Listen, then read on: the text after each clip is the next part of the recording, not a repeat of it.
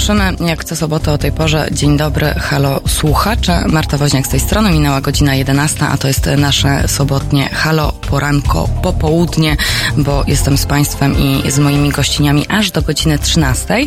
I w dzisiejszym programie, gdzie globusy i mapy wyznaczają nam różnego rodzaju trasy i ścieżki, lądujemy dzisiaj w Afryce, a ściślej lądujemy w Ugandzie i w Kenii. Natomiast w drugiej godzinie zmieniamy gorącą Afrykę na zimną Finlandię i tradycyjnie zachęcam Państwa do kontaktu, bo takich gościń jak u mnie dzisiaj nie znajdą Państwo nigdzie indziej, dlatego proszę szykować telefony, proszę szykować konta na mediach społecznościowych, na Facebooku, na YouTubie i być z nami przez te dwie kolejne godziny. Serdecznie zapraszam, Marta Wośniak.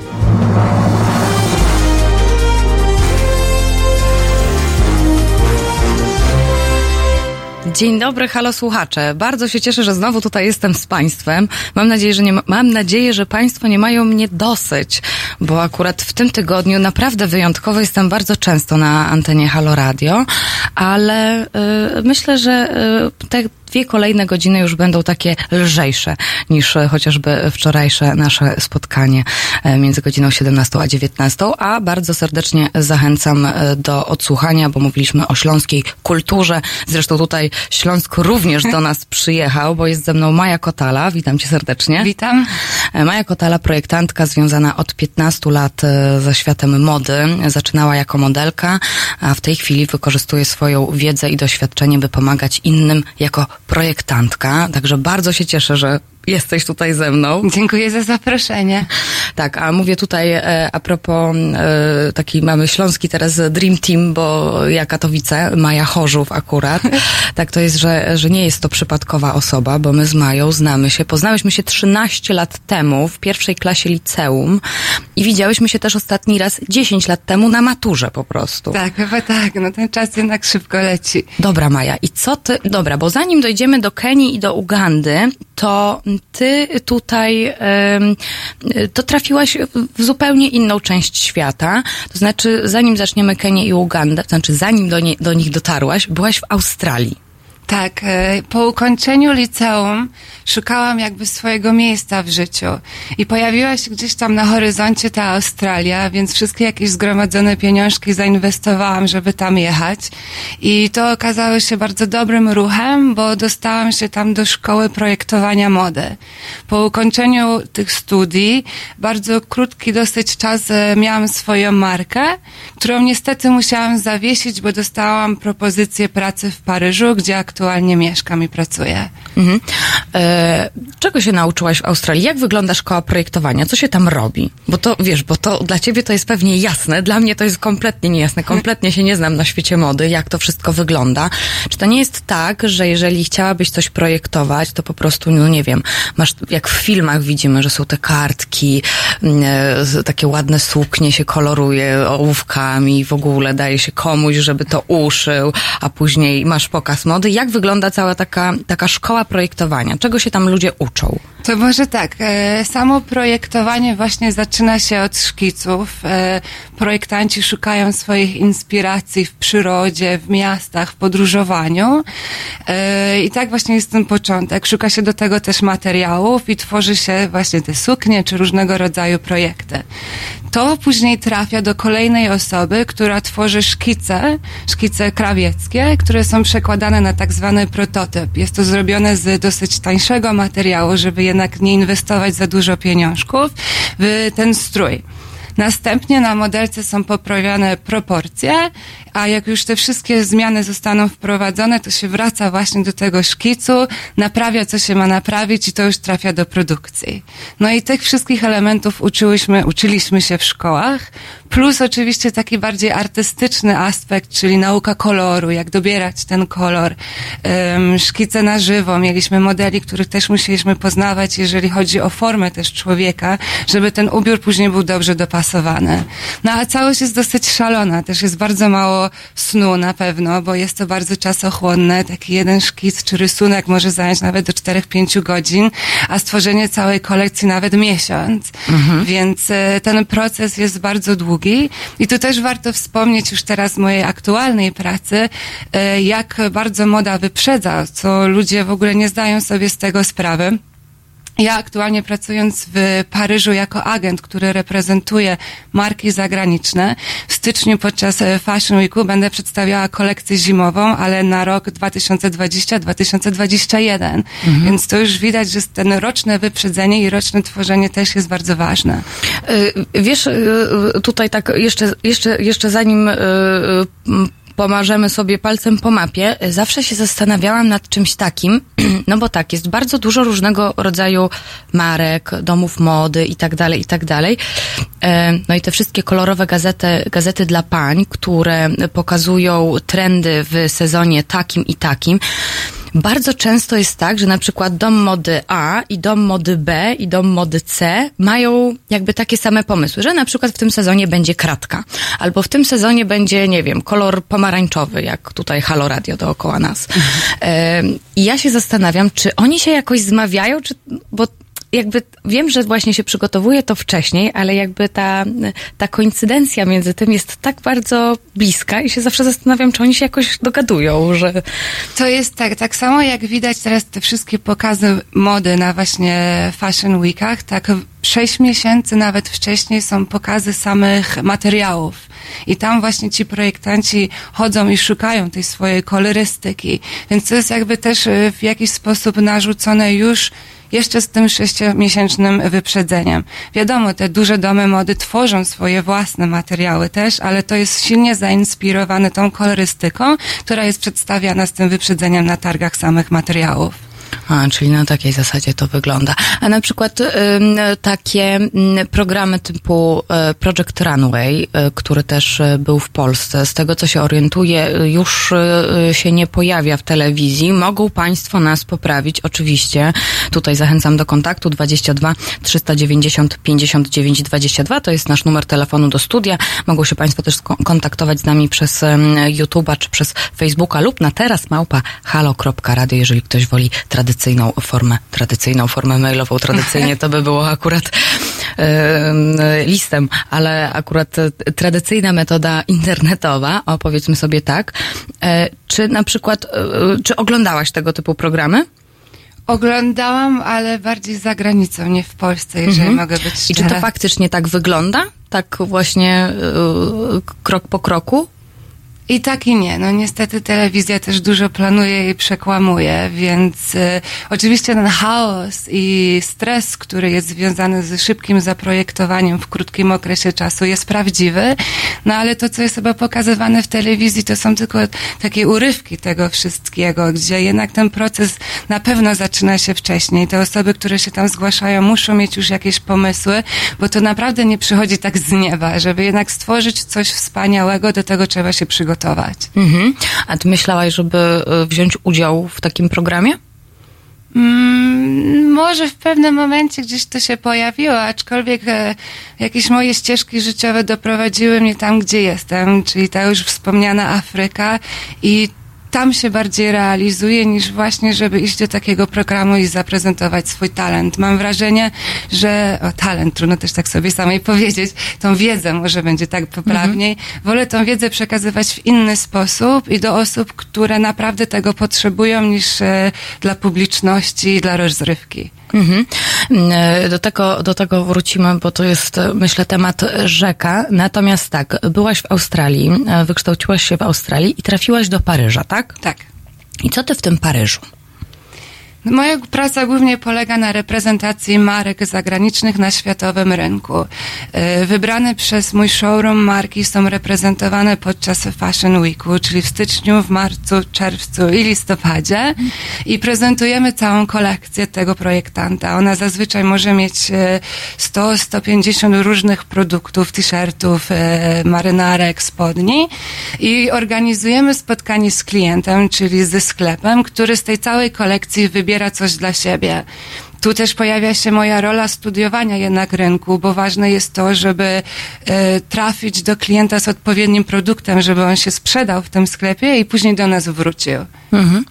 Dobrze, proszę Państwa, cały czas jesteśmy, to jest e, halo, e, poranko, popołudnie. E, jeżeli mają Państwo jakieś pytania do Mai albo tutaj chcieliby się na przykład kogoś też pozdrowić, to tutaj jesteśmy oczywiście bardzo chętne do tego kontaktu. Przypominam numer telefonu 22 390 59 20. Dwa. E, I teraz tak, e, to odetchnijmy chwilę, e, a zaraz, zaraz, zaraz trafimy już do Afryki, czyli teraz Mobi.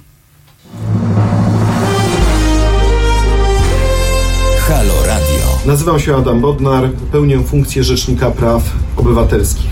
Szanowni Państwo, Zachęcam Państwa do wspierania Halo Radio. Każda złotówka się liczy, każda wpłata, darowizna, stałe zlecenie na koncie.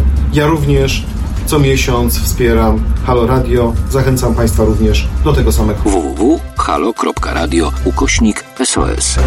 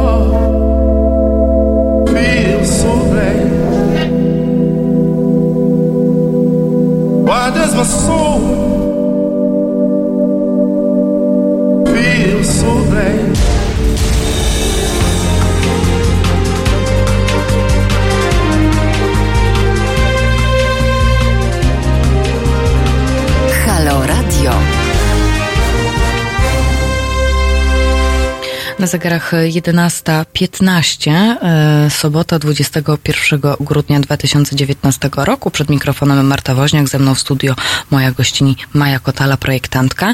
Em, I tak, Maju.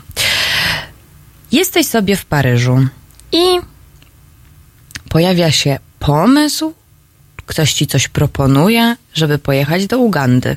Czy jak to wyglądało?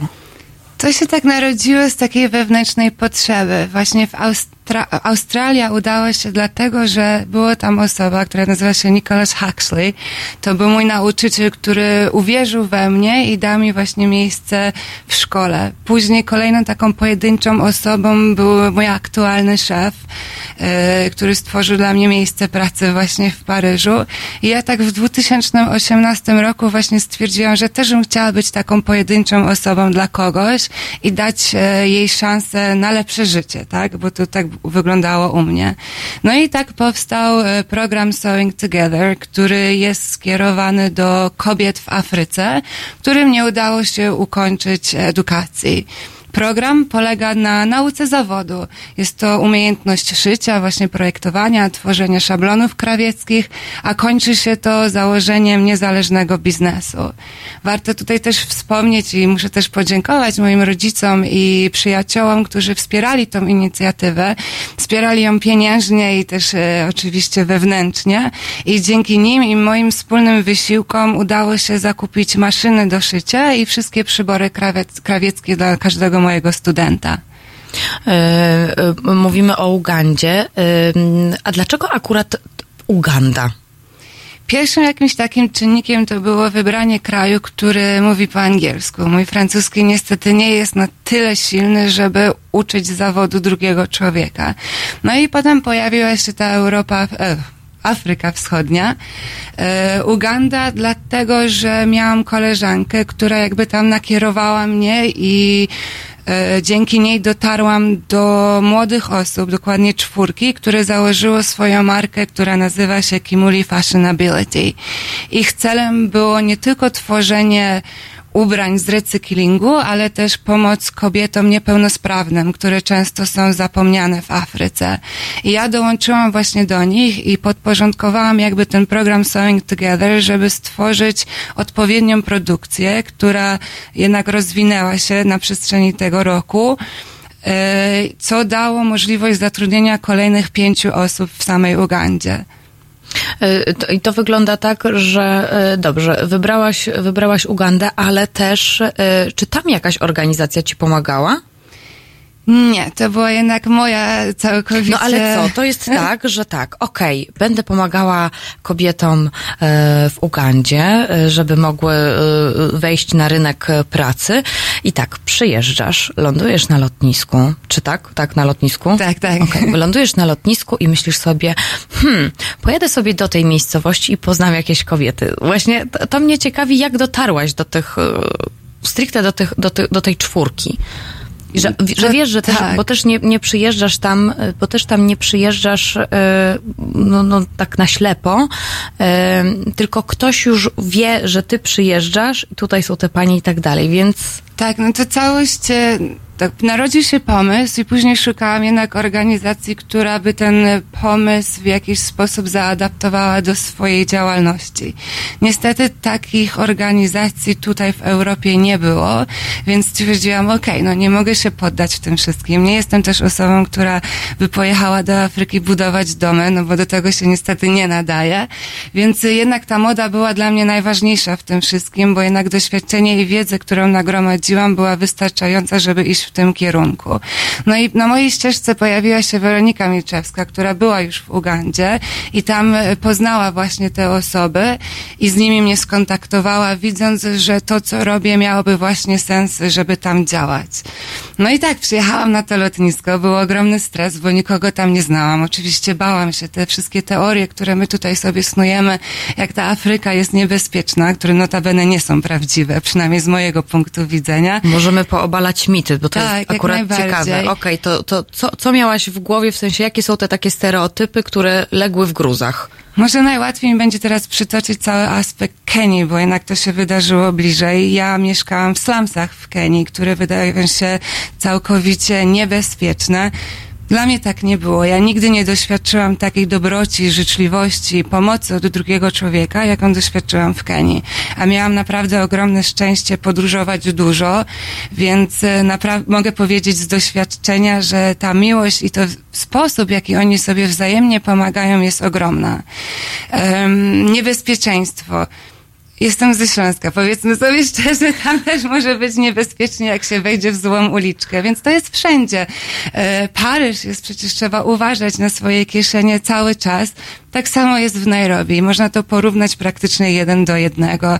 E, iść ulicą, owszem, osoby cię zaczepiają, bo jesteś jednak e, białym człowiekiem. Dla większości jest to egzotyczne, bo nigdy nie widzieli białego człowieka. Zdarzyło się nawet, że małe dziecko zapłakało, bo nie wiedziało, czy to duch, czy to jakaś osoba, ale też w tym wszystkim ta rodzinność i otwartość i, no i tam wzajemna miłość jest tak ogromna, że to na, najbardziej chyba zmienia taką perspektywę tego miejsca. Lądujesz na lotnisku w Ugandzie, trochę się boisz, trochę się stresujesz. Co dalej? No i przychodzi cztery, przychodzą te cztery osoby z ogromnym uśmiechem. Pierwsze co robią, to mnie tak ściskają i podnoszą w powietrze. I już wtedy wiedziałam, że jestem w odpowiednim miejscu, więc cały ten stres i strach jakby uciekł na drugi plan. I wiedziałam, że teraz najważniejsze jest to, żeby skupić się i wykorzystać ten czas, bo jest to niestety krótki tylko miesiąc, żeby podzielić się tą wiedzą dalej. Mhm. E, gdzie pojechałaś z tymi osobami? To znaczy do jakiegoś warsztatu? Jak to, jak to, jak to wyglądało? E, Jeżeli chodzi o Ugandę, no to w miejscowości Mipiji jest to praktycznie takie wzgórze. Na szczycie jest założony Social Innovation Academy. Jest to stworzone jakby miejsce, w którym młode osoby mogą zgłaszać swoje projekty i je realizować, jeżeli one mają w jakiś sposób sens. Jest to powiązane chyba z rządem niemieckim tak naprawdę, bo właścicielem jest Niemiec, który też kiedyś tam wyjechał i odnalazł siebie właśnie w Ugandzie i chciał pomagać e, innym osobom. No i tych projektów tam było bardzo dużo. Można wspomnieć tutaj o wspaniałej inicjatywie, domów z butelek plastikowych. Mierzymy się teraz z ogromnym problemem e, plastiku na całym świecie, a oni wpadli na genialny pomysł, żeby zbierać właśnie te butelki, wypychać je em, ziemią i tworzy się tak zwana cegła. I z tej właśnie butelek tworzyli całe osiedla, osiedla, może to dużo powiedziane, właśnie takie domki, w których tworzyły się warsztaty, sale do nauki, e, no i nawet mieszkania, bo tam można pojechać też jako turysta i w takim domku butelkowym mieszkać. Mhm. I ty do takiego domku butelkowego trafiłaś, tak? Tam Dokładnie tak. Wasz warsztat, tak to nazwać? Tak, tak. Tam był wasz warsztat. Studio może tak bardziej. O, studio. O, ekstra. E, e, słuchaj, sytuacja z maszynami. Jak to wygląda? Ty je przewozisz samolotem, czy to jest kupowane na miejscu, a jeżeli tak, to skąd one trafia, skąd trafiają maszyny? Są one kupowane na miejscu, bo ważne jest jednak to, żeby wspierać tą ekonomię też wewnętrzną. Większość przyborów e, stałych przywożę stąd, ale typu, znaczy może to właśnie nie stałe, typu ołówki, długopisy, bo może są one tutaj odrobinę lepszej jakości, żeby one wytrwały dłużej, ale maszyny i materiały już są kupowane na miejscu. W Ugandzie one były głównie tak zwane z drugiej ręki, które są wysyłane z Chin. W Kenii udało się zakupić nowe maszyny, e, cztery normalne i jeden overlock, więc jest to też ogromne osiągnięcie, bo Co to jest? Overlock to jest ta maszyna, która jakby kończy wszystko. Jak zobaczysz się od środka swoje ubranie, tam gdzie jest szewek, żeby on się nie pruł, to on jest po prostu wiązany razem poprzez tą e, maszynę, która się nazywa overlock. Tak zwany overlocking. Okej. No. Więc y, jak w Ugandzie były dwie maszyny, teraz tutaj były cztery normalne i ten, o przepraszam, trzy normalne i jeden overlock, no to już jest jakiś progres, więc mam nadzieję, że przy następnej misji, która odbędzie się w kwietniu, maju 2020 roku, jeszcze więcej, 2020 roku, nie, 2020 roku uda się jeszcze kupić ich więcej. E, Do tego wrócimy. Co dziewczyny szyły e, i jak ty się tam czułaś i kogo spotkałaś na swojej drodze? E, już za moment, a teraz dla Państwa Metalika.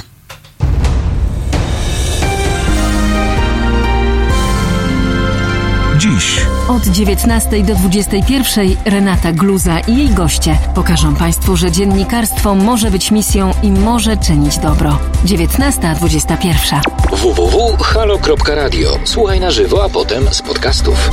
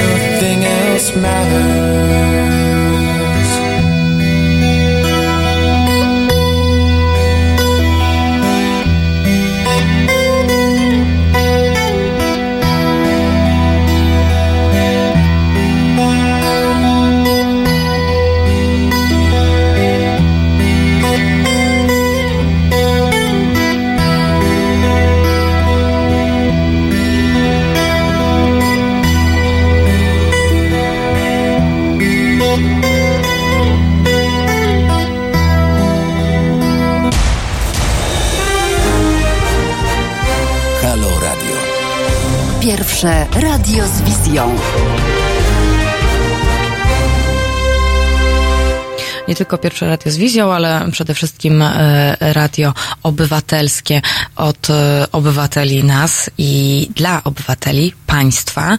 E, Ja tutaj przypomnę, że funkcjonujemy tylko i wyłącznie z państwa wpłat, więc jeżeli państwu się podoba, co robimy, jeżeli państwo chcą cały czas słuchać o tym, jak można budować społeczność obywatelską, to tutaj zachęcam państwa na wejście, żeby wejść na stronę www.halo radio, e, w której, na której to stronie znajdą Państwo e, metody, jak można nas wspierać finansowo, bo tylko e, tak możemy wspólnie być, grać, działać. I na przykład teraz przepytywać Maję Kotale, projektantkę, która robi wspaniałe, wspaniałe, cudowne rzeczy. Maju, więc tak, Uganda Ugandą, ale Kenia, ponieważ byłaś w niej dwa, dwukrotnie w tym roku, masz takie świeższe, świeższe, jesteś świeższa po prostu w temacie Tak. Kenii. Opowiedz nam coś o tym kraju. Kenia. No Kenia jest na pewno, tak jak mówiłam wcześniej, e, bardziej rozwinięta i otwarta niż Uganda. Uganda jest najbardziej biednym krajem, jeżeli chodzi o Afrykę. Mm, W Kenii Sewing Together też trochę się odmieniło, bo skupiłam się na 20 młodych kobietach. Nawiązałam współpracę z Salvation Army, to chyba nazywa się tutaj Armia Zbawienia. Tak, Armia Zbawienia. I oni stworzyli kurs, który trwa dwa lata dla dziewczyn, które nie ukończyły właśnie szkół z różnych przyczyn.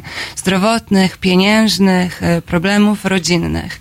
E, Ten kurs miał kilka form, bo nie tylko uczyły się dziewczyny właśnie mody czy szycia, ale również e, jak dobrze sprzątać, jak opiekować się dziećmi, czy fryzjerstwa. Ja dołączyłam właśnie do tej części modowej i w sierpniu odbyła się, jakby odbył się pierwszy etap, który skupiał się głównie na nauce i na woman empowerment, bo zależało mnie na tym, żeby te dziewczyny zmotywować i zainspirować do dalszego działania. Dlatego całość zakończyła się ogromnym pokazem mody, e, gdzie na początku miałam wrażenie, że to będzie tylko właśnie coś dla tych dziewczyn, a okazało się, że coraz więcej osób zawierzyło w tą moją jakby wizję i pod koniec dnia było tam 70 osób, które dla mnie pracowały. Była to orkiestra, były to zespół, były to niesamowite modelki, które się do tego zgłosiły i wszyscy charytatywnie e, dołączyłyśmy do tego, żeby wspierać się nawzajem. E, Tutaj mamy pytanie od naszego usłuchacza Łukasza. E, Serdecznie pozdrawiamy. E, Pozdrawiam. Ja bardziej chciałbym się zapytać, bo rozumiem, że w chwili obecnej te działania mają za zadanie rozwijać umiejętności tamtejszych kobiet. Czy przekłada się to na zlecenia i możliwości zarobkowe dla nich? No to bazując właśnie na tej Kenii. Ten pierwszy etap się już odbył, e, czyli sama nauka. Teraz przygotowuję się do drugiego etapu, gdzie w przyszłym roku chcę założyć miejsce produkcji w Mombasie. Jest to drugie co do e, wielkości miasto w Kenii i niestety tam jest aż 44% bezrobocia. Dlatego właśnie to miejsce wybrałam. E, I tutaj właśnie mogę też prosić właśnie o pomoc, tak? Bo każdy z nas może się dołączyć i finansowo, ale też również fizycznie. Zapraszam też, jeżeli ktoś by chciał się podjąć do takiego wyjazdu, na każdego jest tam miejsce. Więc e, ten drugi etap, 2020 rok, e, kwiecień, maj, trzymajcie proszę kciuki. Okej, e, Maju, jak możemy pomóc? Tutaj od razu odsyłam Państwa na stronę Mai, mkotala.com, tak? Dobrze, mkotala.com, Maja Kotala, tylko nie Maja, tylko M, mkotala.com e, i tam e, jest zakładka e, Sewing Together, e, e, w której opisujesz też projekt, ale też e, jak można pomóc będąc z Polski, na przykład nie wybierają, jakby ktoś nie miał paszportu na przykład, E, jak można, jak można pomóc, jak można pomóc? Można pomóc na dwa sposoby. Poprzez dotacje bezpośrednio na platformę crowdfundingową albo przez zakup symbolicznej koszulki. Taka jedna koszulka to praktycznie tydzień nauki dla jednej kobiety, bo pozwala mi zakupić ona wszystkie materiały, opłacić transport oraz wyżywienie dla tej osoby. Mhm. A te dziewczyny są z Nairobi, czy one są w sensie z, y, ze stolicy, czy one są z jakiejś miejscowości innych? One dookoła? były praktycznie z e, okolic Nairobi, z bardziej takich e, stron, jakby to nazwać, takich wiosek, gdzie jednak te połą- połączenie do edukacji było dosyć trudne. Armia Zbawienia wyszukiwały takie dziewczyny i stworzyły dla nich właśnie to miejsce do nauki.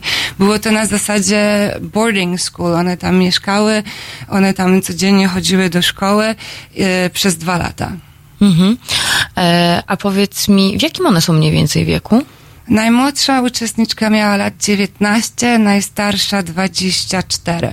Aha, czyli, bo, bo myślałam, że one są młodsze, dlatego, dlatego pytam, bo właśnie mówisz, że te, któr, którym się nie udało z jakichś różnych powodów ukończyć po prostu e, nauki w szkole, e, to, to, to, tu, to jest coś że takiego. przerwę. Warto też wspomnieć, niestety w Afryce płaci się za edukację.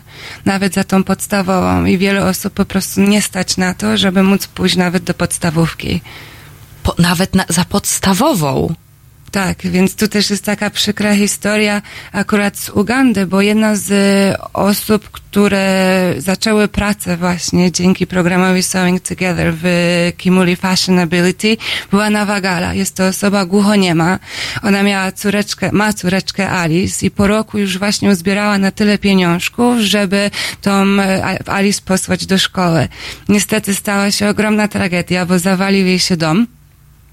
I nie stać już ją było właśnie na tą edukację swojej córki, która już jest tak opóźniona ze względu na to, że nie ma ona nawet styku z językiem, żeby móc mu poprawnie mówić. No i tu też pojawiły się e, niesamowite osoby, które wpłaciły pieniążki i opłaciły jej tą edukację na następne kilka lat. Mhm. Jakie jeszcze osoby spotkałaś w Afryce? Kim są te dziewczyny? Tych historii jest naprawdę dużo. Są to osoby, które chcą zmienić swoje życie, szukają jakby swojej szansy, yy, ale są to też osoby pełne miłości. Tutaj mogę też wspomnieć o tym moim filmie, który mam na stronie internetowej, do którego obejrzenia naprawdę zachęcam, bo widać tą ogromną więź, która między nami się narodziła i te łzy właśnie, które były podczas pożegnania i te emocje związane z tym, że jakiś etap w ich życiu się zakończył. Oczywiście my utrzymujemy do dzisiaj kontakt, żyjemy w świecie, gdzie jednak te telefony są. Co też ludzi zaskakuje, ale tu mogę opowiedzieć, dlaczego one tam są. Ponieważ Afryka pominęła całkowicie etap posiadania e, telefonów stacjonarnych, więc rządy zainwestowały po prostu w komórki i dały im dofinansowanie. Więc jak oglądamy te wszystkie zdjęcia dzieciaków ze smartfonami, to nie znaczy, że oni nie mają pieniędzy, ale wydają je właśnie na telefon, tylko nie mają innego wyboru, tak? Oni te, częściowo te telefony były im dane, ale też to jest jakaś ich forma e, wiedzy, tak? Bo jednak szukają tych informacji i możliwości, więc nie powinniśmy tego oceniać w sposób negatywny. A propos telefonów komórkowych, e, wczoraj czytałam sobie dość obszerny artykuł na temat e, Kenii, e, czym się zajmuje gospodarka, jak wygląda sytuacja polityczna, co tam, jak tam i tak dalej. I proszę Państwa, Kenia jest, jest krajem, w którym mieszka, czte, mieszkają 44 milionów mieszkańców. Coś, coś, coś, Coś coś, coś, w tym rodzaju. E, natomiast e, właśnie telefony komórkowe ma 38 milionów. Także e, jak przeczytałam 38 milionów telefonów komórkowych, to sobie myślę, no prawie jak taka cała Polska. Więc to jest po prostu parę milionów, paru, paru milionom brakuje, ale to, co teraz mówisz, a tego nie było, nie, to nie było wyjaśnione, to ma teraz Ma sens. sens. Ma Tak. sens, ma sens, zdecydowanie. No dobrze, ale powiedz mi taka, mm, jed, no nie wiem, opowiedz. Właśnie myślę sobie o tych, o tych kobietach, które, które poznałaś. Yy, mm, jak one cię traktowały? Czy, czy byłaś dla nich właśnie jak taki, jak taki, jak taki biały duch? No niestety tak po rasistowsku trochę. jak, taki, jak taki biały duch, który po prostu przychodzi. One z wielką miłością, ale jakie one były? One Na początku oczywiście był zachowany dystans, był też strach, tak? Pojawiła się obca osoba i nagle im mówi, co oni mają robić. Więc e, ja, żeby uniknąć jakichś konfliktów, całość zaczęłam od e, rozdania zeszytu, w której każda uczennica miała zapisać swoje marzenie i to, co chce osiągnąć. To jakby przełamało swoje pierwsze lody. I później w jaki sposób można byłoby to osiągnąć, już dopracowywałyśmy razem. Więc to pomogło w nawiązaniu jakiegoś takiego pierwszego kontaktu. Ale na początku, przyznaję, było dosyć e, ciężko, bo wstydziły się, nie chciały mówić głośno, też czasami nie rozumiałyśmy się nawzajem. Ja mam jednak ten australijski akcent, który jest dla nich obcy. No ale tak dzień po dniu to się jednak przełamywało, przełamywało i doszłyśmy do tego, głównie w sumie tańcem, że stałyśmy się taką jedną wielką rodziną, bo w Afryce wszystkie emocje właśnie są pokazane w sposób muzyczno-taneczny. I smutek i radość, każdy jest właśnie zakończony tym, żeby móc razem ten celebrować ten moment, ale w sposób po, e, pozytywny czy optymistyczny. A powiedz mi, co zapisywały w tych zeszytach? Jakie marzenia? No, częściowo to było właśnie na, skupione na projektowaniu mody. Tu też od razu pojawiły się osoby, które w dosyć obszerny sposób już miały też tą swoją wiedzę, jak to chcą, do tego chcą dojść.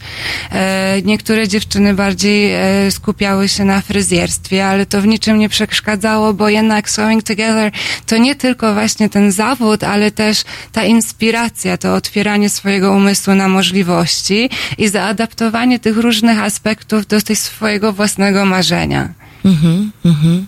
Proszę Państwa, na zegarach 11.43. E, teraz będziemy e, słuchać sobie Fateless, natomiast proszę zostać z nami, bo jeszcze do godziny 12 jest z nami Maja i dalej będzie opowiadała o Swing Together w Kenii.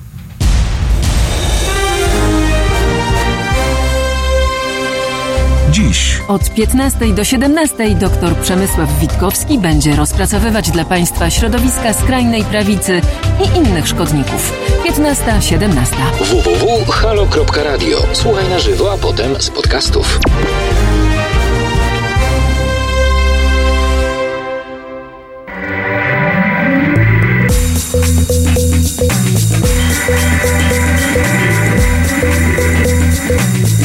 You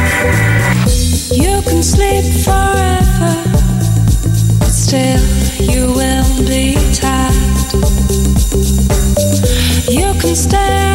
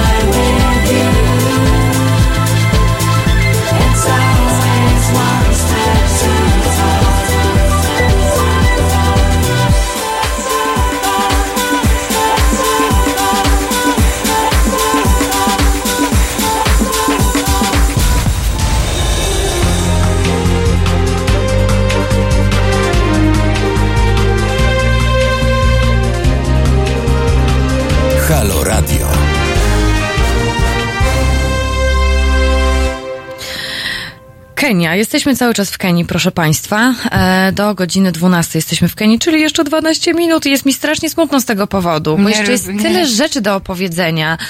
E, Maju, w, mm, kiedy... E, moment, o czym, o czym przez chwilę rozmawiałyśmy? Rozmawiałyśmy... Aha, o dziewczynach. O dziewczynach rozmawiałyśmy. I powiedz mi, ty utrzymujesz z nimi kontakt. Tak, cały czas do siebie piszemy i pomagamy sobie nawzajem też y, właśnie pod względem tej inspiracji i szukania różnych możliwości. Tym bardziej, że teraz właśnie przymierzam się do stworzenia tego miejsca pracy, to tym bardziej próbuję ich motywować, żeby jeszcze wytrwały do tego momentu, bo jest dla nich szansa, jest dla nich miejsce i o nich nie zapominam. E, Słuchaj, ty tam pojechałaś, żeby uczyć dziewczyny szycia. A czego ty się tam nauczyłaś? Na pewno spokoju i takiej wewnę- wewnętrznej cierpliwości. Ten system, w którym my tutaj żyjemy, takiego, takiej tej szybkości, prędkości i wyścigu szczurów, tam tego w ogóle nie ma. To też jest plusem i minusem, bo brak tej konkurencji lokalnej spowalnia bardzo tą edukację i sposób działania, ale w drugą stronę nauczy mnie, że na wszystko jest czas i trzeba po prostu ten czas sobie dać. Najlepszym chyba lekcją i przykładem to był w Ugandzie, gdzie był moment, gdzie właśnie siedziałam pod jednym z takich e, domków sfrustrowana, bo nie udawało mi się w tym czasie, co chciałam jednak osiągnąć tego, co zamierzyłam. I przyszedł się do mnie taki chłopak, który zapytał się, czy wszystko u mnie jest okej. No ja tak sobie coś tam, e, łezka mi się zakręciła w oku, wytłumaczyłam mu tę sytuację i on przede mną narysował e, na ziemi cyfrę 6. I zapytał się, co, i siedzieliśmy naprzeciwko siebie, tak jak my tutaj, i zapytał się, co widzisz? A ja mówię, no szóstkę. A ona to, ale ja widzę dziewiątkę. To znaczy, czy ja jestem w błędzie, czy ty jesteś w błędzie? No i to mi tak bardzo otworzyło umysł, że różne sytuacje są różne widziane i to nie znaczy, że ktoś musi być lepszy i gorszy, tylko po prostu musimy zaakceptować w tym momencie te różnice kulturowe i poszukać rozwiąza- rozwiązania, które satysfakcjonuje obydwie strony. Y, Jak tak cię słucham i jak oglądałam, aha właśnie, tutaj cały czas zachęcam do obejrzenia filmiku, jeżeli y, na przykład nie jest coś dla Państwa jasne, to w filmie dużo, dużo się wyjaśnia. Można go znaleźć wpisując na przykład właśnie Sewing Together Maja Kotala na YouTubie albo właśnie na stronie mkotala.com. E, To tam z całą pewnością Państwo, e, państwo znajdą ten film. On, on trwa 8 minut, ale e, warto obejrzeć go w całości, bo jest naprawdę chwytający za serce. E, Przyznam, że naprawdę mnie tak ścisnęło mocno w środku i sobie pomyślałam, wow, ale super Maja, ale ekstra, że to robisz. Znałam się z liceum i tutaj, e, no, jestem dumna z ciebie. Nie jest to żadne czcze gadanie, ale naprawdę jestem z ciebie bardzo dumna i piękne też, proszę Państwa, jest to, mamy teraz święta Bożego Narodzenia już za chwilę, w przyszłym tygodniu i proszę sobie pomyśleć, no i też jest taki czas podsumowań, podsumowań 2009 Tak. roku. Proszę sobie pomyśleć, e, co Państwo zrobili dobrego, nie tylko dla kogoś innego, ale też dla siebie, żeby się poczuć dobrze. I to może się wydawać takie trochę głupawe i że co ja tutaj teraz gadam, ale proszę Państwa, jak Państwo sobie tak e, przy kawie, biorąc łyk, czy paląc papierosa, czy przygotowując e, bożonarodzeniowe frykasy, jak Państwo tak się zastanowią, to to jest naprawdę bardzo ważne. Czy jesteśmy w ogóle z siebie zadowoleni? Bo tu też warto wspomnieć, że każdy z nas może pomóc na, tą swo- na swój sposób, tak? Wydawałoby się te dwa lata temu, że ta pomoc modowa e, była dość kontrowersyjna. Dużo osób zarzucało mnie to w jakiś sposób. Dlaczego moda? Dlaczego, jak tak można pomagać? Ale to właśnie każdy może pomóc tym, czym jest właśnie dobry. Tworzenia miejsca pracy, modowej czy niemodowej też jest tak samo ważne jak budowanie studni czy pomoc żywnościowa, bo ona po prostu daje nadzieję, daje nadzieję na lepsze jutro i daje rozwój i krajowi i danej osobie. Tak, daje ci fach w ręku. E, Też e, swoją drogą, a propos właśnie pomocy dawania fachu w ręku, mój kolega, który pracuje w jakiejś agencji marketingowej, on kiedyś sobie pomyślał, że jak skończy mu się, czy reklamowej, ja, hmm, no chyba w reklamowej jednak, on jest taką osobą od, on on wymyśla dużo różnych dziwnych Aha. rzeczy i on mówi, co się stanie, kiedy mój mózg już nie będzie dobrze funkcjonować? Ja muszę mieć jakiś fach w ręku. I e, stwierdził, że chyba by chciał robić pizzę po prostu ludziom, więc no jednak, jednak, jednak takie manualne rzeczy też, e, no nie tylko właśnie ta branża, gdzie się myśli, myśli, myśli, ale też, że możemy coś z rękoma Dokładnie. zrobić i jakoś przeżyć. Na zegarach 11.53 maju. Czy chciałabyś jeszcze coś dodać? Ja tak naprawdę zachęcam wszystkich do pomocy. Otwórzmy te oczy, tak jak mówiłyśmy teraz wcześniej, bo są osoby, które tej pomocy naprawdę potrzebują. Jest to wewnątrz kraju, jest to na zewnątrz kraju. Niech każdy z nas właśnie znajdzie taką drugą wersję siebie i ulepszy ją właśnie w ten sposób, żeby wyciągnąć tą dłoń do osób potrzebujących. Tak, więc tym ładnym akcentem e, zakończymy. Tutaj przypominam jeszcze raz stronę Maj, żeby wejść, zobaczyć, wesprzeć, może kupić koszulkę, e, bo rozumiem, że za zakup, e, za, że, że za e, tutaj e, datki plus e, zakup koszulki, ty wtedy możesz kupić maszyny, prawda? Dokładnie. Są nie tylko właśnie koszulki, ale może też prezenty świąteczne, więc można dać podwójny prezent, bo udało mi się przywieźć niektóre wyroby stworzone przez dziewczyny, ale również produkty kupowane lokalnie, typu biżuteria e, plemion od e, Masajów, więc naprawdę zachęcam taki podwójny prezent, e, prezent dla swojej ukochanej osoby i prezent dla dziewczyn w, e, w Ugandzie czy w Kenii. Proszę, proszę to rozważyć. Jest jeszcze chwila przed świętami.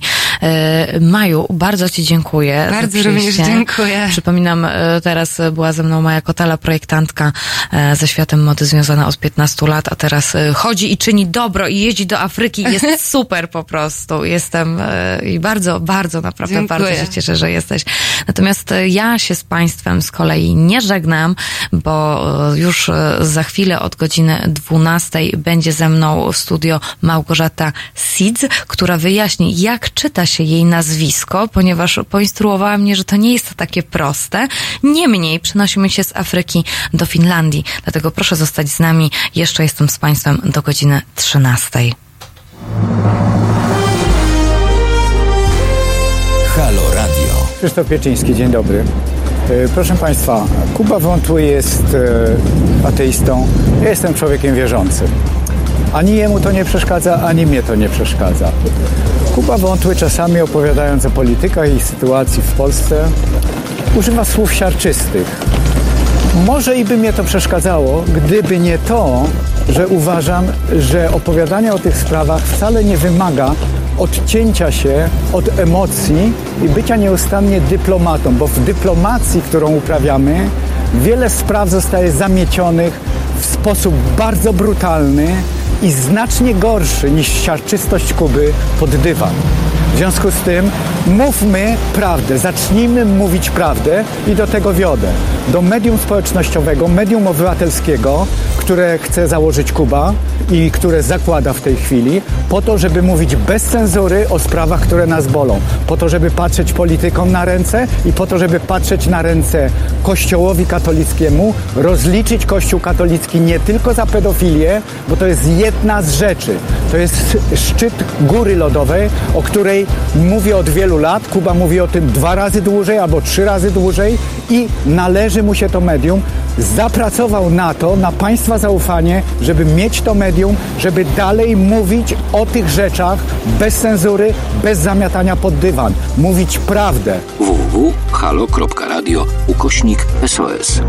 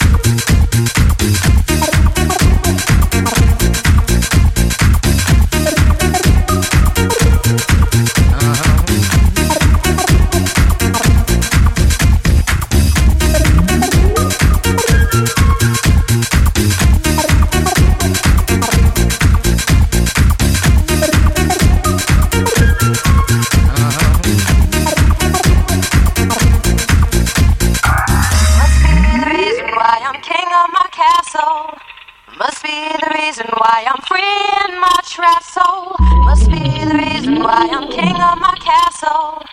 Must be a reason why I'm making examples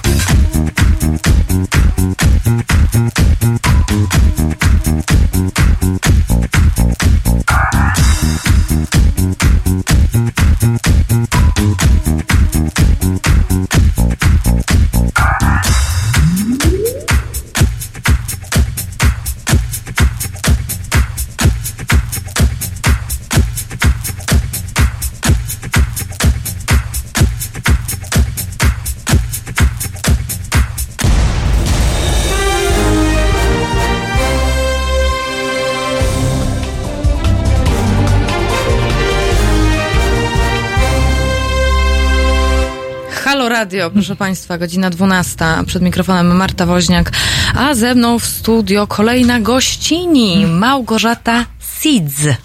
Bardzo mi miło, dziękuję bardzo za zaproszenie, zwłaszcza o 12 w sobotę, czyli w sumie najlepszy czas w tygodniu. Najlepszy czas w tygodniu. Y, Ja przed chwilą, y, kiedy żegnaliśmy się z Mają, y, tutaj zajawiłam Państwu, że nie wiem, jak się czyta Twoje nazwisko, bo pisze się je Sidz. Może być SIDZ. Może być Nie ma Sidz. żadnego problemu. Niech każdy czyta jak ma ochotę. Okej. E, Ale skoro, skoro e, poinstruowali, że jest Sidzy, to e, Sidzy. Ładnie, znaczy ładne jest to nazwisko, takie niespotykane właściwie. Gosiu, słuchaj, proszę Państwa, niech Państwo teraz słuchają, e, bo jest ze mną e, e, kobieta, w ogóle tak właśnie przed chwilą, kiedy się, kiedy Maja już wychodziła, a kiedy Gosia przychodziła, to stwierdziłyśmy, że będziemy mówić, że to jest taki dzisiaj nasz ten, ta nasza ta sobota między godziną 11 a 13, to jest taki czas siły kobiet, absolutnie, bo tutaj Maja dodaje odwagi e, dziewczynom w Kenii. E, natomiast e, tutaj w Finlandii również wydarzyło się coś niesamowitego, ale zanim powiemy o tym, co się wydarzyło w Finlandii, co Państwo pewnie oczywiście już wiedzą, bo o tym trąbiły wszystkie media, sytuacja wygląda tak, że ja bym chciała powiedzieć, kim ty jesteś właściwie. Okej. Uwaga, czytam. Japonistka, magister studiów regionalnych o Azji Wschodniej na Uniwersytecie w Turku i absolwentka Polskiej Szkoły Reportażu. Sześć lat spędziła kursując między Szwecją, Finlandią i Danią z, przystan- z przystankami w Japonii i Korei Południowej. Porozu- porozumiewa się w dziesięciu językach. Po jakiemu mówisz? To jest bardzo kluczowe słowo porozumiewa się. Jeśli chodzi o języki, które znam płynnie, to na pewno ich liczba jest trochę niższa. Oczywiście polski, angielski, szwedzki, japoński. Radę sobie daję po hiszpańsku, rosyjsku, portugalsku, w mniejszym stopniu po włosku. Coś tam jeszcze z koreańskiego pamiętam. Więc, e, no i oczywiście fiński. Niesamowite to jest po prostu. Jak to zapamiętywać? Nie mylą ci się te języki? Mylą mi się cały czas. Mam, teraz cały czas się obawiam, że będą mi się mylić. Także dzisiaj w trakcie tej audycji. Tak? E, Proszę Państwa, akurat, e, bo tutaj tak, jesteś japonistką, tutaj Azja Wschodnia, Korea Południowa. Skąd się wzięła ta Finlandia? E, mogę odpowiedzieć krócej albo dłużej. E, Krócej z przypadku. Dłużej e, byłam akurat na studiach skandynawistycznych, pojechałam na Erasmusa na północ Szwecji i okazało się, że w Szwecji edukacja na uniwersytecie nie jest taka jak u nas, że trzeba codziennie odbębnić 8 godzin, e, że jest dużo czasu wolnego, więc pojechałam do Finlandii na miesiąc, pojeździć po całym kraju, po różnych znajomych, których tam miałam. I akurat będąc w Turku zauważyłam, że jest rekrutacja na magistra studiów Azji Wschodniej. E, I pomyślałam, że gdzie studiować japoński i koreański, jak nie w Finlandii. Aha, czyli tak to wyglądało. Czyli tak to wyglądało. E, no to z Finlandią ile jesteś czasu już związana, tak na dobrą sprawę? Kiedy tam byłaś pierwszy raz? Pierwszy raz byłam tam tak naprawdę trochę przed tym, czyli w 2012 w Helsinkach. E, później ta wyprawa, później przeprowadziłam się tam w 2013 Mhm. e, na studia magisterskie, które zajęły mi w sumie 5 lat. Pięć lat. No tak, tak to mniej więcej, tak to mniej więcej wygląda. Proszę Państwa, dlaczego, dlaczego tutaj jest z nami e, Gosia? Gosia jest z nami dlatego, że 12 lutego 2020 roku, proszę sobie to wpisać e, w kalendarzu, e, będzie miała premiera jej książki o wspaniałym tytule, który też bym bardzo chciała rozszyfro- rozszyfrować, ale podoba, podoba mi się, podoba mi się taki zabieg. Książka nazywa się Kocie Lato i zima w Finlandii. Premiera 12 lutego 2020 roku nakładem wydawnictwa Czarne, więc proszę tutaj śledzić. Zanim powiemy sobie o twojej książce i co tam e, na was zgrałaś, że tutaj sobie pozwolę e, użyć tak e, luźniejszego sformułowania. Proszę państwa, Wrócimy, wrócimy do siły kobiet. E, Wiadomości z Finlandii e, bardzo rzadko goszczą na pierwszych e, stronach światowych mediów. W Polsce to już w ogóle, o, my nic o Finlandii nie wiemy. Proszę Państwa, nie wiem jak Państwo, ale moja wiedza na Finlandii kończy się na tym, że w 1939 roku była wojna zimowa. I to jest cała moja wiedza na temat Finlandii, jak mogłabym ją w jakiś sposób, no i że jest zimno i takie mam wyobrażenie o Finlandii. Natomiast Mówi się też, że to jest taka dość nudna, dobrze urządzona, zamożna demokracja. E, No a w zeszłym tygodniu było, y, jakby trafiła Finlandia na pierwsze strony y, gazet, dlatego że prasa na całym świecie pisała o nowej fińskiej premiersce. Sani Marin, tak się to czyta? Sanni Marin. Sanni Marin. Em, No i bo tutaj jej kolega z partii zrezygnował e, i Marin objęła e, 10 grudnia ster e, fińskich rządów e, niecały miesiąc po swoich 34 urodzinach. Dlaczego wszystkich to tak bardzo poruszyło? E, Po pierwsze, Sanna Marin jest w tym momencie najmłodszym e, premierem na świecie w ogóle. E, Po drugie, nie chodzi tylko wyłącznie o Sannę Marin, ale kształt w ogóle nowego rządu pod jej kierunkiem. Pięć z liderów partii koalicyjnych to kobiety, z czego cztery są poniżej 35 roku życia. Do tego na 19 stanowisk ministerialnych 12 objęły kobiety. Więc ten rząd jest bardzo mocno sfeminizowany, co jest, e, stanowi też kontrast z, e, z prezydenturą Sauli Niinista, który jest pierwszym konserwatywnym prezydentem Finlandii od lat 50. E, Został wybrany ponownie w ty- 2018 roku. Osoba, która była prezydentką przed nim, Tarja Halonen, e, 12 lat rządziła Finlandią pod flagą socjal, socjodemokratyczną. I słyszałam takie historie z Finlandii, że dzieci, które wychowały się między 2000 a 2012, pytały swoich rodziców, czy to możliwe, żeby prezydentem był mężczyzna. Więc y, Finlandia bardzo pięknie się nam feminizuje. e, Nie tylko kobiety, ale także młode kobiety. Nic tylko patrzeć, co takiego nam ten rząd przyniesie dobrego. Ciekawe, co na to mężczyźni, którzy kobiet nienawidzą. E, Ja tutaj chciałabym tylko Państwu jeszcze powiedzieć, dla mnie fascynujące jest to i może rozwiejesz w jakiś sposób moje wątpliwości. Pięć, jest, jest w ogóle, jeżeli chcieliby Państwo się dowiedzieć czegoś więcej na ten temat, bo akurat tutaj y, strukturze rządu fi, y, fińskiego nie chciałabym poświęcać całej audycji, bo myślę, że skoro mamy taką gościnię, to warto porozmawiać o tym, jacy są e, Finowie i e, Finki. Natomiast e, i tutaj Państwa odsyłam. W fantastyczny sposób e, magazyn TVN24 e, napisał o tych kobietach. Jest bardzo, bardzo długi artykuł e, o tytule, już Państwu mówię, Marin pierwsza poszła do szkoły, dziewczyna z ludu, co została premierką. E, Bardzo warto sobie, sobie to przeczytać, jeżeli są Państwo bardziej zainteresowani w politykę. E, Wiedzą też Państwo, że ja tutaj o twardej polityce rzadko mówię. Natomiast chciałabym jeszcze nawiązać do tego, że e, pięć e, ministr, minister, e, pięć, e, pięć kobiet w rządzie e, Marin, e, to tak, ona ma 34 lata i jest socjaldemokratycznej partii Finlandii. Później mamy panią Marię Ohisalo. Przepraszam, będę czytała tak, jak, jak, jak widzę, bo nie wiem, jak się to czyta. Jasne. Bardzo dobrze sobie radzisz. O, dziękuję.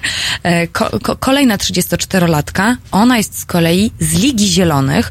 Później mamy Katri Kulmuni, 32-latkę i to jest pat, partia Centrum. Później jest Lee Anderson, 32-latka i to jest Sojusz Lewicy, a później jest pani Anna Maja Henriksson, 55-latka, ale szwedzka partia ludowa. Te wszystkie kobiety są z innych partii. To jest w ogóle wspaniałe, wydaje mi się, że jest, ym, że wiesz, że, że nie, że masz tylko jedną partię i wszyscy są z tego, z tego samego po prostu podwórka. Tylko jest taka różnorodność. To mi się bardzo podoba. Czy tak też jest u Finów w ogóle? To jest bardzo charakterystyczne dla nordyckich krajów. Rządy koalicyjne i także sposób sprawowania rządów, w którym e, bardzo ważną wagę poświęca się, poświęca się wagę e, kompromisowi. Więc e, mimo tego, że te wszystkie partie w większości poza partią socjaldemokratyczną nie nie są najwyższymi siłami w rządzie fińskim, to jako koalicje zdziałać mogą bardzo wiele. Niestety w Niestety. Mamy też w rządzie fińskim e, stronę prawą. Mamy bardzo silną, e, zaskakująco silną partię prawdziwych Finów, e, partię nacjonalistyczną, bardzo radykalnie e, prawicową. E, Natomiast rzeczywiście e, na tym polega właśnie ta siła wspólnoty, że razem te pięć partii, e, nie wiem, nie chcę skłamać teraz, wydaje mi się, że mają łącznie 117 mandatów na 200, więc stanowią bardzo ładną przeciwwagę dla konserwatywnego prezydenta Sauli Niinista. Do tematu, jak wygląda fińska polityka, wrócimy już za moment, natomiast teraz The Beloved.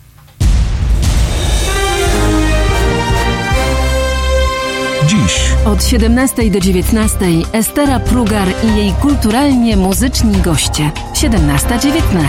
www.halo.radio. Słuchaj na żywo, a potem z podcastów.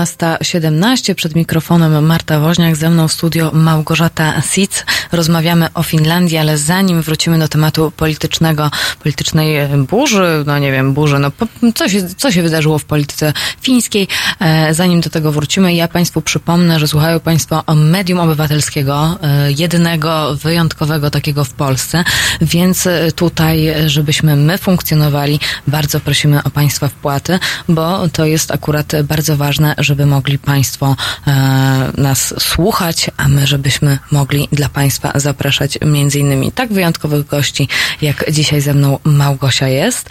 E, wróćmy do polityki. Mhm. Jeśli chodzi o Sannę Marin, e, tak jak wspomniałaś, ona rzeczywiście wywodzi się z e, niezamożnej rodziny. Z ludu. Z ludu, właśnie, z Mm. ludu, z, z ludu pracującego. E, Co też stało się obiektem ataków e, ze strony prawicowej, czy e, na przykład ze strony estońskiego ministra spraw wewnętrznych, który wypowiedział się na temat Sanny, mówiąc, że teraz to nawet ekspedientka może zostać premierem w Finlandii i jacyś aktywiści uliczni. Na co ona odpisała... Strasznie chamskie. Tak. Na co ona odpisała na Twitterze, że jest bardzo dumna z tego, że w Finlandii nawet ekspedientka może zostać premierką. E, Prezydentka Estonii już e, przeprosiła za te komentarze. Dla Estonii jest to bardzo ważne, żeby zostawać w dobrych stosunkach z Finlandią. E, To, co jest też ciekawe na temat Sanny, to to, że pochodzi z rodziny e, tęczowej. Jej mama po rozstaniu z ojcem e, pozostawała w związku z kobietą. E, Natomiast Sanna jest e, mężatką i ma dziecko. Jest e, heteroseksualna. Mhm. E, Jak twoi koledzy Finowie, koleża- koleżanki Finki zareagowali? E, Finowie zareagowali bardziej na reakcję świata niż na sam kształt rządu. To znaczy dla O. nich jest bardzo interesujące to, jak bardzo, jakie Jak się rozdmuchał temat, tak? Tak. Bo to jest po prostu oczywiste. To jest kobieta, której było już głośno od paru lat. E, Stała się w ogóle znana dzięki filmikowi na e, YouTubie, w którym, kiedy jeszcze służyła w Radzie Miejskiej w Tampere, przywoływała wszystkich do porządku, przypominając im, że 10 godzin już tu siedzimy, róbcie swoją pracę, e, czym bardzo zaimponowała Finom. Finowie widzą to po prostu jako dobre osoby na dobrych stanowiskach, e, nie zastanawiają się więcej nad tym i może nawet e, jeden z moich znajomych wspomniał, że dla niego reakcja świata wydaje się nawet trochę seksistowska, Mhm. że mówimy o tym jako czymś niezwykłym, że tyle jest kobiet w rządzie. Mhm, mhm. E, to powiedz, jacy są Finowie w takim wypadku? Jacy są Finowie? Duże pytanie. Finowie są na pewno e, cenią sobie równość i egalitarność. Egalitaryzm, egalitarność. Em, dla nich ważna jest postawa, umiejętności, nie zwracają uwagi raczej na płeć i, e, i wiek. Oczywiście mówię teraz bardzo ogólnie, stereotypowo. Wiadomo, że w każdym kraju są różni ludzie. Finowie em, cenią sobie ciszę. E, także jeśli chodzi o rozmowę z Finem, będzie w niej bardzo dużo ciszy, co dla nas wielu jest e, krępujące czasami. Czasami Ale to nam- znaczy, że co, że oni tak nagle milkną? Albo nie reagują? Co to znaczy, że jest dużo ciszy. Zastanawiają się długo nad odpowiedziami. Poza tym uważają, że to jest e, znacznikiem prawdziwej przyjaźni, że można z kimś po prostu siedzieć i milczeć. Nie starają się na siłę znajdować tematów, na siłę e, robić małych e, rozmówek. Jeżeli już się wypowiadają, to musi mieć to sens. E, dlatego być może mają taką opinię niedostępnych, nieprzyjaznych, podczas gdy są bardzo gościnni i bardzo pomocni. Em, To, co my interpretujemy jako ich em, dystans, tak naprawdę jest sposobem na to, żeby em, nie narzucać się innym osobom, żeby mm, nie mm, nie rozbijać cudzej bańki niepotrzebnie. Więc w ten sposób są bardzo taktowni. Poza tym społeczeństwo jest dla nich bardzo ważne, współpraca jest bardzo ważna. Mają jeden z najwyższych wskaźników zaufania społecznego na świecie. E, No też oczywiście stali się w ten kraj, o tym kraju było bardzo głośno przez to, że zawsze jest bardzo wysoko w statystykach najszczęśliwszych krajów na świecie. E, Chociaż sami winowie nie do końca w to wierzą. Jacy jeszcze oni są? No dobra, no to, że są gościnni, że są z dystansem, to są takie cechy pozytywne. A jakie są cechy negatywne Finów? Ojej, bardzo dobrze, że mówię po polsku i moi znajomi mnie nie zrozumieją. E, cechy negatywne Finów. Chyba jestem złą osobą, żeby o to pytać, bo w tym momencie nie byłam już w Finlandii od pół roku i trochę za nią tęsknię i chyba wszystko zaczęło mi się w głowie robić pozytywne. Cechą negatywną... Mm, Jakie były dla ciebie takie, kiedy mm, przygotowałaś materiał do książki albo kiedy studiowałaś? y, Co było dla ciebie takie zaskakujące i dziwne i sobie myślałaś, nie, no tak w Polsce to na pewno by nie było, albo tak moi polscy znajomi by się na pewno nie zachowali. Były jakieś Tak. takie sytuacje? Oczywiście teraz widzę je trochę inaczej, ale na początku stosunek Finów do więzi rodzinnych był dla mnie dziwny. To, że e, ktoś, kto ma 16 czy 18, no dobra, powiedzmy 18 lat, musi już zarabiać na siebie, utrzymywać siebie, sobą się zajmować, robić swoje pranie i to jest dziwne, żeby zwracać się do rodziny o pomoc, żeby rodziców prosić o pieniądze na kurtkę, skoro dostajecie przecież pieniądze od rządu, macie e, darmową edukację, macie e, bardzo tanie obiady w stołówce, o co chodzi. E, Także to, jak to wygląda później w życiu, czyli to, że Finowie nie, nie czują tego obowiązku opiekowania się swoimi starszymi rodzicami. E, Oso- ja trochę czasu spędziłam w domu e, opieki, czy tak to się mówi, dla Tak, osób o czym starszych. piszesz też w książce. Tak. I tam e, osoby, które przychodzą na przykład odwiedzić babcię raz na tydzień, raz na dwa tygodnie, były naprawdę postrzegane jako coś niezwykłego. To było, e, byli znani Mhm. wśród wszystkich osób, które tam mieszkają. Mhm. A możesz coś jeszcze opowiedzieć o tym domu starości? Jak tam, jak tam wygląda, jak tam jest? E, W Finlandii ogólnie jest. em, Polityka jest taka, żeby każdy żył w swoim domu jak najdłużej jest to możliwe. Czyli jeżeli ktoś potrzebuje opieki pielęgniarki, to nie, e, nie zabierzemy od razu tej osoby do ośrodka opiekuńczego, tylko Mhm. postaramy się sprawić tak, żeby pielęgniarka przychodziła nawet i pięć razy dziennie. Pomagała w jedzeniu, w zakupach, we wszystkim, ale żeby ta osoba mieszkała w swoim domu. Nawet jeżeli jest to, staje się to już mm, problematyczne. E, Domy opieki raczej są prywatne e, i wyglądają zupełnie nie, inaczej niż u nas. Nasze domy opieki przypominają bardziej szpitale, ludzie tam są bardziej em, pacjentami, podczas gdy e, domy opieki fińskie to tak naprawdę większe przestrzenie, w których każdy ma coś na kształt swojego własnego mieszkania. Z własną łazienką i z własną kuchnią. A poza tym jest jeszcze oczywiście salon, w którym wszyscy mogą razem spędzać czas, jadalnia, kuchnia, pielęgniarki, które są tam 24 godziny na dobę. E, Więc może też e, jakoś to się łączy z tym, że Finowie nie czują, że muszą zajmować się swoimi e, starszymi rodzicami czy dziadkami, bo państwo im pomaga. Proszę Państwa, musimy na chwilę y, przerwać, ponieważ ja muszę koniecznie się y, napić czegoś, bo mnie tutaj cały czas odkasłuje, e, a nie chcę, e, a nie chcę tutaj e, Gosi przerywać, więc wracamy już dosłownie za moment, ale najpierw Genesis. Halo Radio. Witajcie z tej strony Adam Nergaldarski. Jestem w Halo Radio.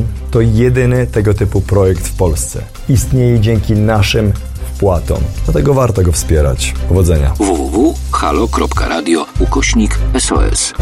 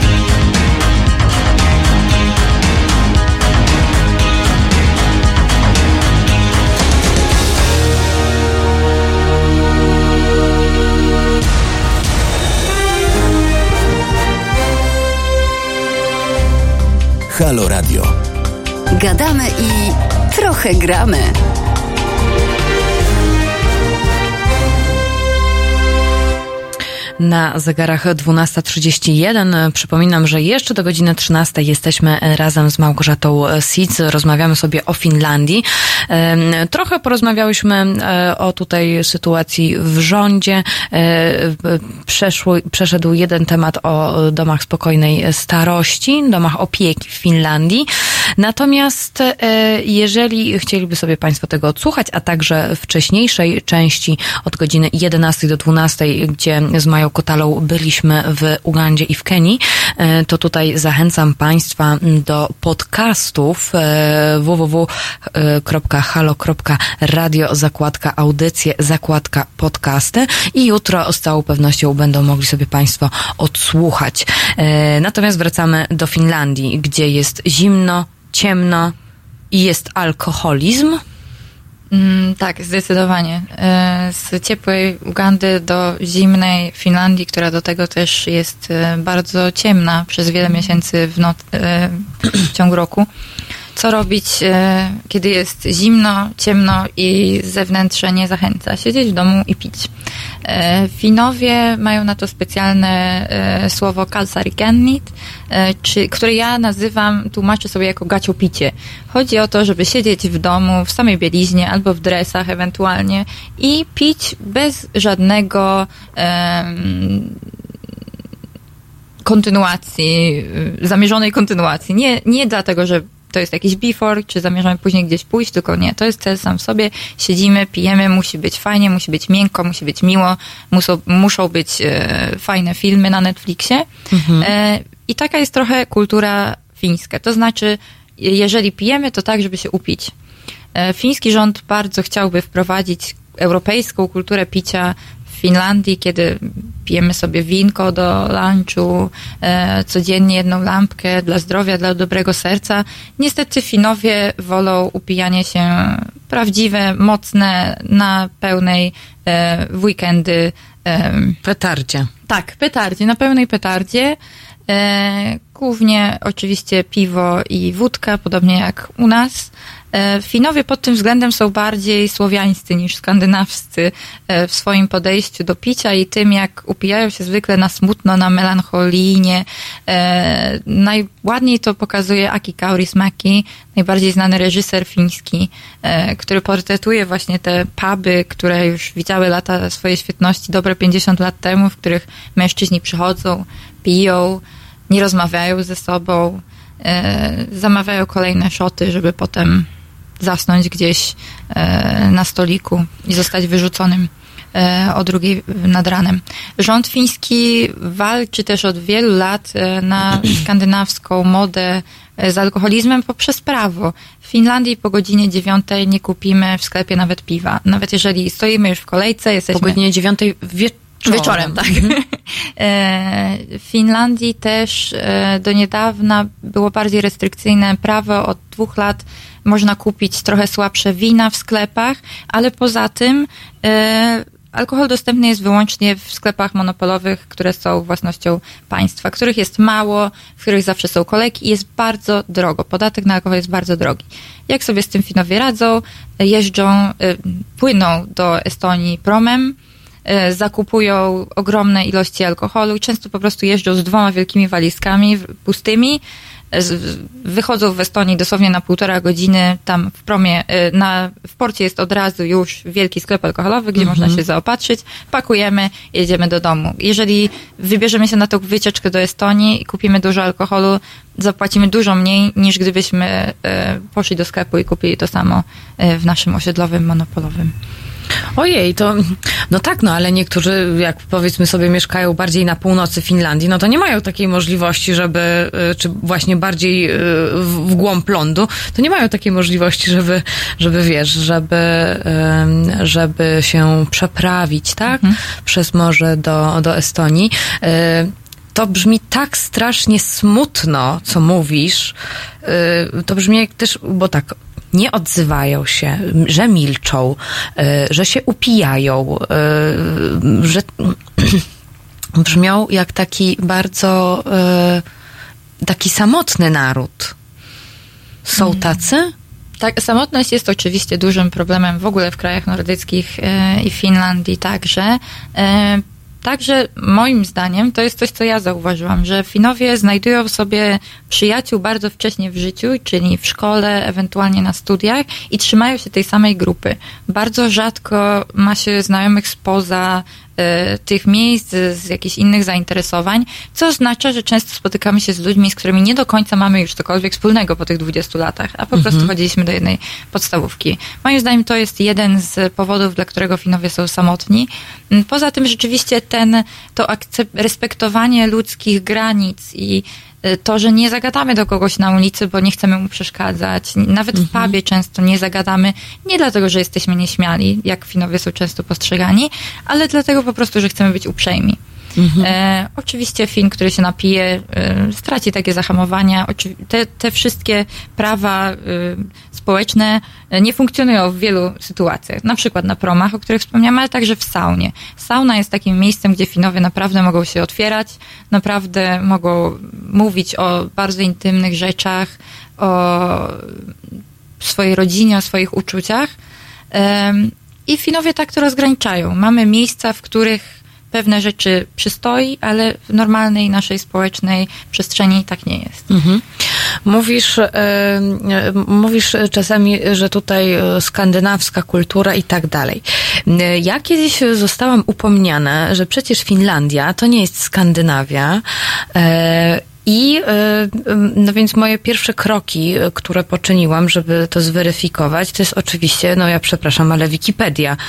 Niech pierwszy rzuci e, kamieniem, kto pierwszej rzeczy nie sprawdzał na Wikipedii.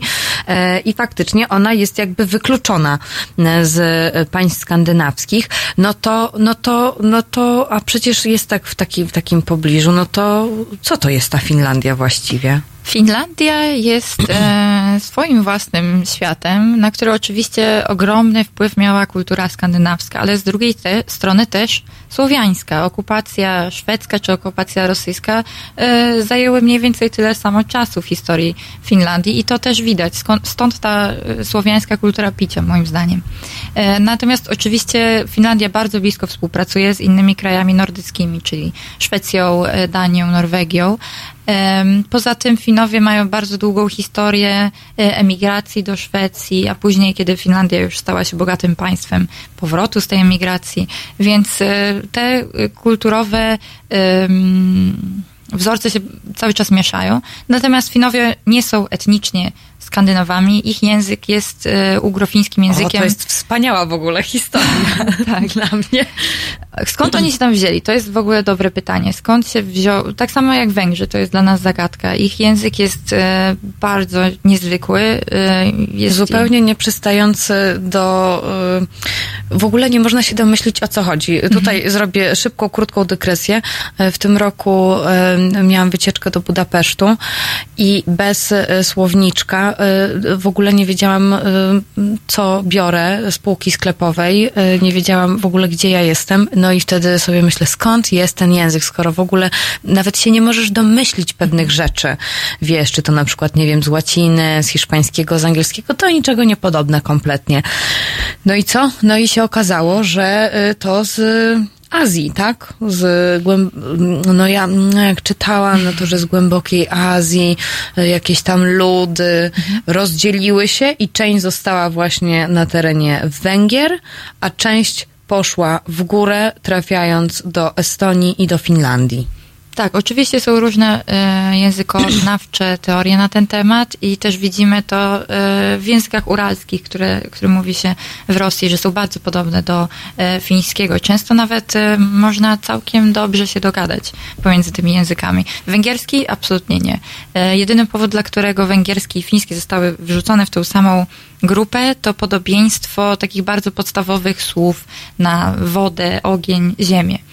Która A powiesz, jak to pokazuje- brzmi? Y, Nie wiem nic na temat y, węgierskiego. Woda to po fińsku wette, y, ziemia ma. Co tam powiedziałam? Tuli. Nie, chwilka, tu, tuli Ogień. albo tuli. W tym momencie, ponieważ fiński jest językiem, em, w którym długość samogłosek ma duże znaczenie, bo po prostu mamy mało dźwięków. Cały czas mówimy bardzo podobne dźwięki, nie ma tych wszystkich szydziży, które mamy pięknych, oczywiście, które mamy w polskim, więc musimy radzić sobie to rozróżniając długość samogłosek. E, Ja też do dzisiaj nie radzę sobie z tym bardzo dobrze, za co przepraszam. Mam nadzieję, że jakiś e, student e, języka fińskiego teraz może mnie poprawić w komentarzu. 22 390 59 22 to jest nasz numer telefonu do studia. Proszę poprawiać. Tak.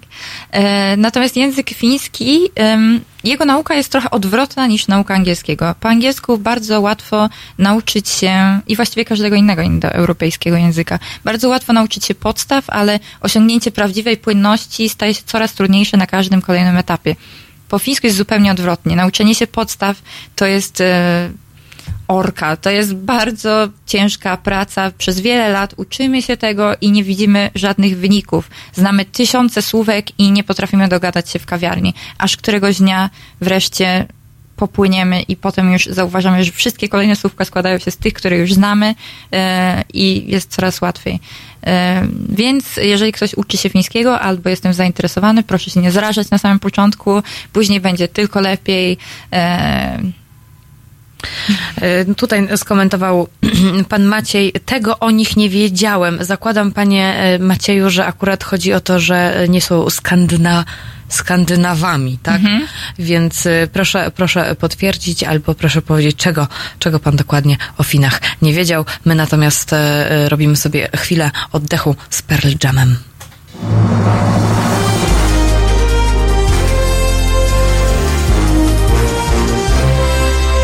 Dzień dobry, nazywam się Kuba Wątły. Jestem pomysłodawcą projektu Halo Radia, pierwszego w Polsce w pełni profesjonalnego medium dla obywateli. Dla niektórych z Państwa jestem też ojcem dyrektorem, chyba dlatego, że czasami udzielam się w naszych programach nagle i z zaskoczenia. I dobrze, wszak dobre toruńskie wzorce są zawsze w cenie, no poza tym jednym. Pan Rydzyk gromadzi pieniądze, by nas dzielić i z czasem doprowadzić do wojny domowej na tle religijnym. My prosimy natomiast Państwa o wsparcie, by móc z Wami rozmawiać, by wspólnie się uczyć, by tolerancję zastąpiła akceptacja. Zauważyliście, jak różne są te dwa słowa? Akceptujmy siebie i akceptujmy to, że po 30 latach, od 1989 roku, tylko dzięki państwu możemy tworzyć medium bez udziału polityków i nie na pasku korporacji. Pamiętajcie o nas codziennie jeśli chcecie być częścią naszej społeczności, to słuchajcie, oglądajcie, piszcie, mówcie i finansujcie swój obywatelski projekt Halo Radia www.halo.radio ukośnik SOS. Dziękuję w imieniu wszystkich dziennikarzy i swoim własnym.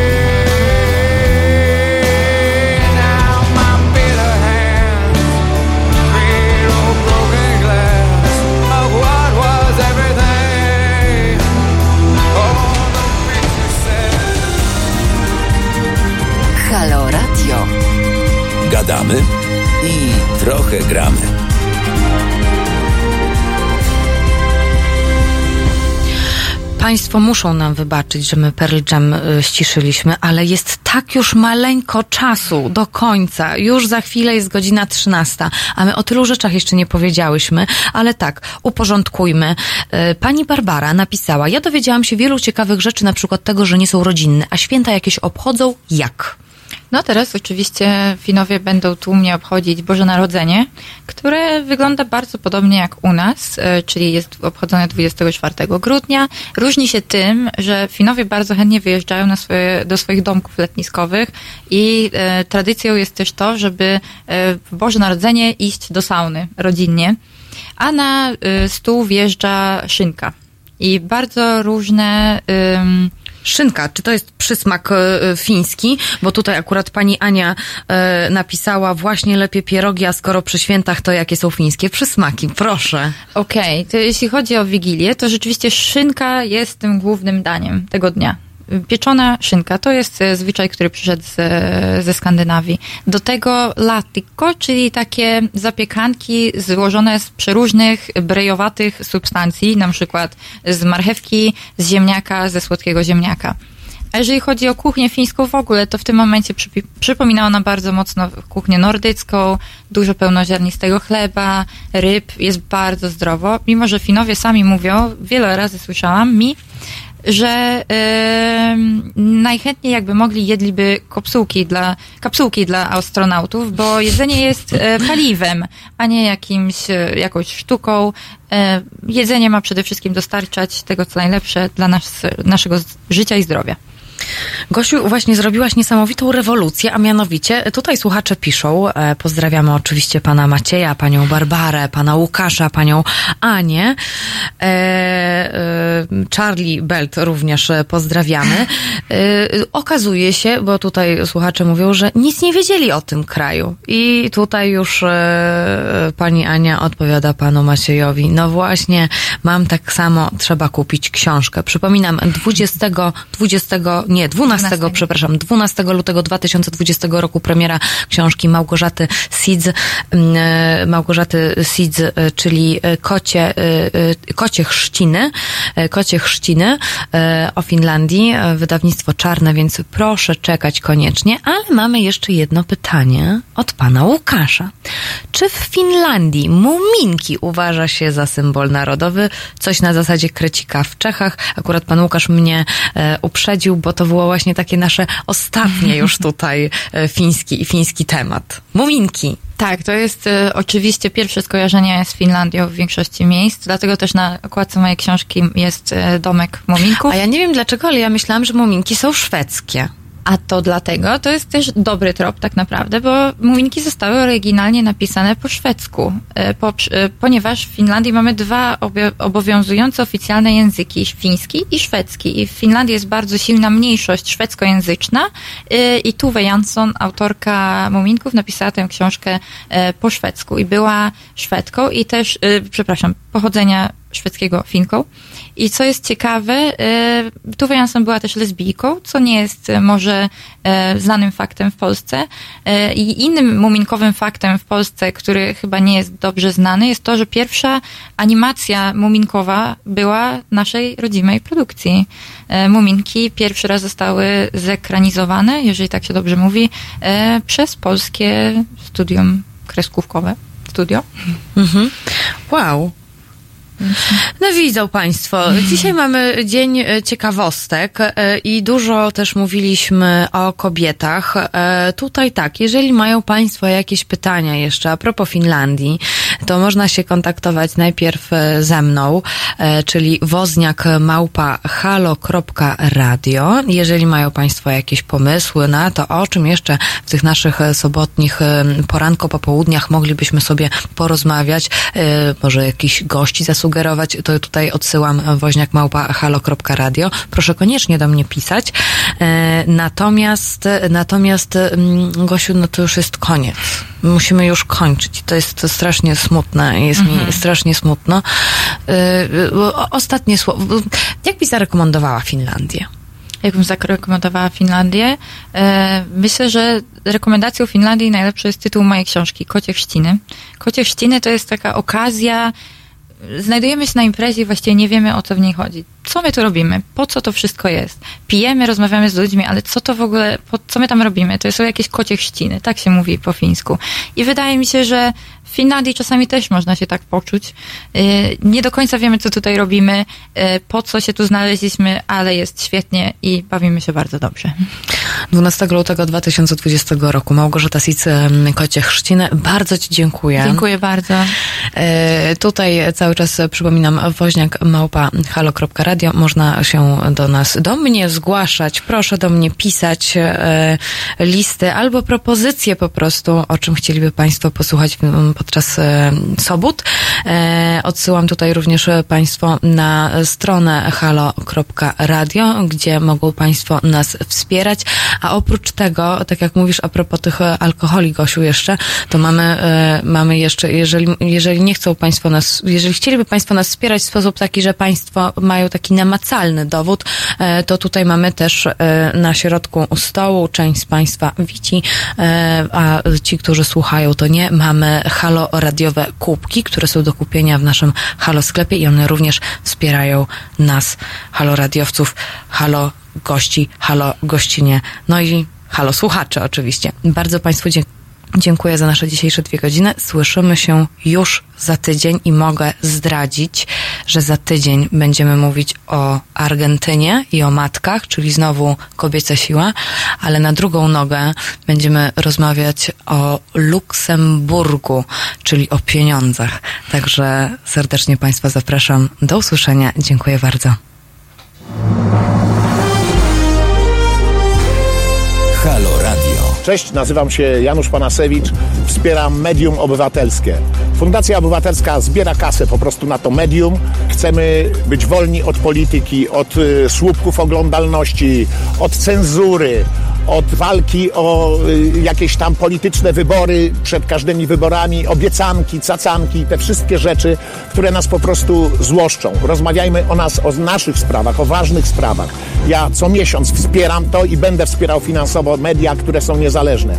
I Kuba Wątły, który to gwarantuje, obserwuję go od lat, jest oczywiście bardzo bezpośredni. Czasami doprowadza ludzi do szału, jest bezkompromisowy, ale jest on sam w sobie jedyny, niepowtarzalny i po prostu ja mu ufam i zachęcam Was do tego. Wspierajcie medium obywatelskie. Jestem z Wami. www.halo.radio ukośnik SOS.